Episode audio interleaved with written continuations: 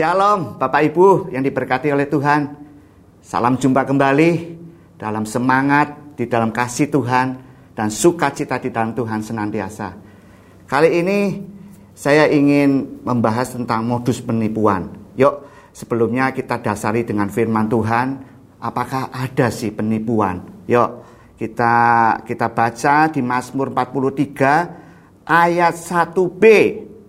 Demikian bunyi firman Tuhan, luputkanlah aku dari orang penipu dan orang curang. Bapak Ibu, firman Tuhan telah mencatat ternyata banyak orang yang dirasuk iblis karena niatnya, karena ketamakannya mencari uang dengan cara yang tidak halal dan menghalalkan segala cara, berbuat kecurangan, berbuat penipuan. Makanya Mazmur tadi berbicara, menyampaikan untuk luputkanlah aku dari segala penipuan dan orang yang berbuat curang.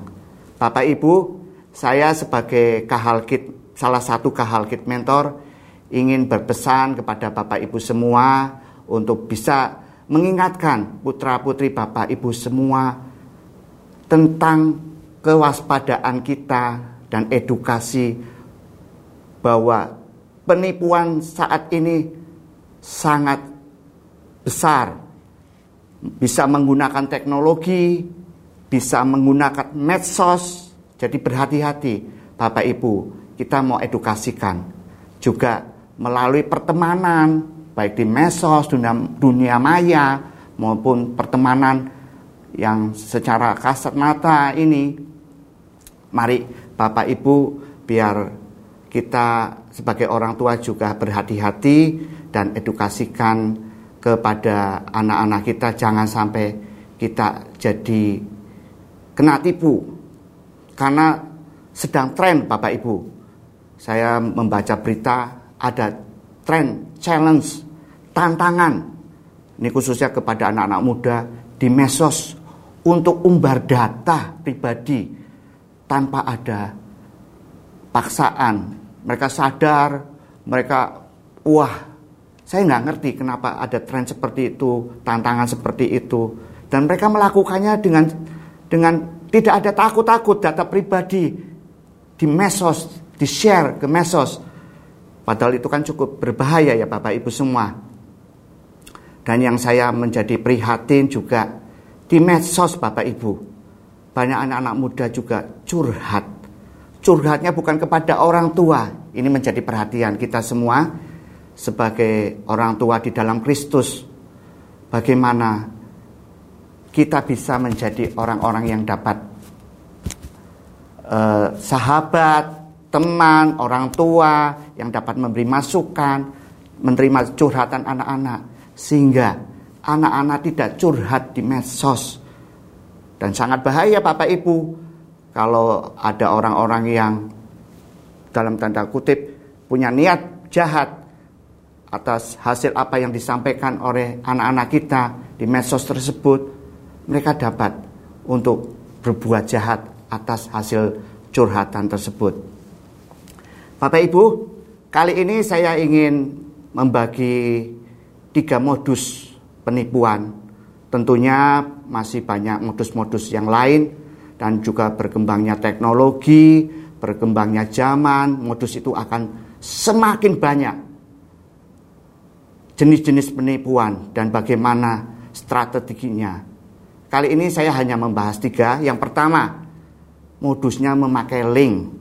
Nah, Bapak Ibu, mari kita sebagai orang tua, kita juga harus sadar. Jangan sembarangan ketika ada orang share link dengan iming-iming dapat hadiah, dapat uh, gift apa, terus ada juga info mungkin mengatasnamakan perbankan, atasnamakan instansi yang ternama atau apa pun juga. Share link padahal itu bukan link resmi dari perbankan maupun instansi tersebut mereka share dan Bapak Ibu yang sangat berbahaya. Link itu begitu diklik tanpa meng, tanpa mengisi data-data pun bisa juga data pribadi kita, keuangan kita bisa langsung diambil. Walaupun memang ada link yang harus begitu diklik diisi data pribadinya, nomor KTP, nomor HP, nomor rekening, nama orang tua, ibu kandung, alamat rumah, alamat email, dan lain-lain. Bukankah itu sangat berbahaya, Bapak Ibu? Jadi, pertama-tama saya nasihatkan, jangan sembarangan klik link dari orang-orang yang tidak kita kenal. Dan juga kalau misalnya ada pengumuman atau informasi mengenai apa pun dari perbankan, dari instansi, ayo, ayo kita mesti konfirmasi kita mesti konfirmasi ke call center perbankan tersebut, call center perusahaan tersebut, apakah benar ada program seperti itu. Dan memang kalau memang ada, sebaiknya kita datang aja ke kantor tersebut, ke perusahaan tersebut, ke bank tersebut, itu akan lebih aman daripada link-link yang tidak kita tidak tahu ini palsu atau tidak. Dan juga berkembangnya teknologi ini, kalau Bapak Ibu bertransaksi, sering kali mereka juga memfoto atau mengirim ke WA bahwa mereka sudah transfer, ditunjukkan bukti transfernya, ditunjukkan bukti setorannya. Bapak Ibu, ini sekali lagi juga harus dikonfirmasi ke perbankan tersebut pastikan bahwa mutasi tersebut sudah masuk, sudah tercatat di bank tersebut. Karena masih banyak Bapak Ibu, banyak sekali bukti setoran palsu, bukti transfer yang palsu. Jadi berhati-hatilah baik itu link maupun WA yang menginformasikan bahwa mereka sudah menjalankan transaksi yang bukti setoran kita. Yang kedua Bapak Ibu, modus penipuan yang kedua bisa melalui SMS, melalui WA. Bahkan bisa langsung telepon Bapak Ibu. Ya, saya pernah nangani satu orang, dia ditelepon oleh orang yang mengabarkan bahwa keluarganya kecelakaan dan suruh transfer untuk biaya berobat tersebut. Bapak Ibu, hati-hati, jangan langsung transfer. Pastikan hubungi saudara terdekat tempat mereka sedang berpergian. Siapa yang mendampinginya? Hubungi. Kalau ada yang mengatasnamakan terjadinya di sekolahan, Hubungi sekolahnya, pastikan kepada guru apakah benar-benar terjadi dengan putra-putri Bapak Ibu semua mungkin yang ditelepon dengan menakut-nakuti tersebut, pastikan Bapak Ibu. Saya juga pernah mengalami Bapak Ibu, pagi-pagi, jam 5 pagi, saat itu saya sehabis saat teduh, ada telepon. Memang nomornya tidak saya uh, bukan nomor yang saya kenal. Tapi karena pagi saya juga tak kira penting, saya angkat. Wah, apa yang terjadi Bapak Ibu? Ada suara anak yang nangis. Uh, Papa, Papa. Dan ada orang yang membentak. Bapak, dia mengaku sebagai aparat. Padahal aparat yang sesungguhnya pasti tidak akan seperti itu mereka meminta untuk saya transfer 30 juta. Kalau enggak anaknya akan dibunuh, akan ditembak katanya. Karena tersangkut narko, narkoba. Waduh, saya pagi-pagi ada telepon demikian juga panik. Tapi puji Tuhan, Tuhan memberikan damai sejahtera dan saya bahwa di dalam doa saya lihat kamar anak saya, oh ada. Dan saya juga kaget bagaimana mungkin anak saya bisa terjumus dalam narkoba dan e, tidak pulang Waktu itu memang waktu itu saya juga nggak nyangka, nggak kepikiran masa anak saya berpergian karena telepon pagi-pagi saya kaget. Intinya Bapak Ibu yang ingin saya sampaikan, ketika ada telepon yang mengabari saudara, istri, suami, atau anak-anak yang mengalami mungkin masalah, suruh Bapak Ibu transfer, stop, jangan langsung transfer. Karena itu belum tentu benar. Pastikan, konfirmasikan kepada saudara yang terdekat, yang mendampingi tempat tinggal mereka saat itu, kalau sedang berpergian, supaya aman, terhindar dari modus penipuan dengan mengabarkan ber, apa, e, situasi yang menegangkan tersebut. Dan ini poin yang sangat penting Bapak Ibu.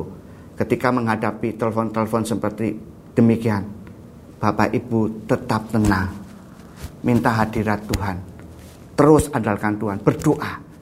Jangan sampai Bapak Ibu jadi panik, jadi takut sehingga ingin segera transfer dan macam-macam sekalian. Yang ketiga, modus penipuan yang ketiga, hipnotis Bapak Ibu.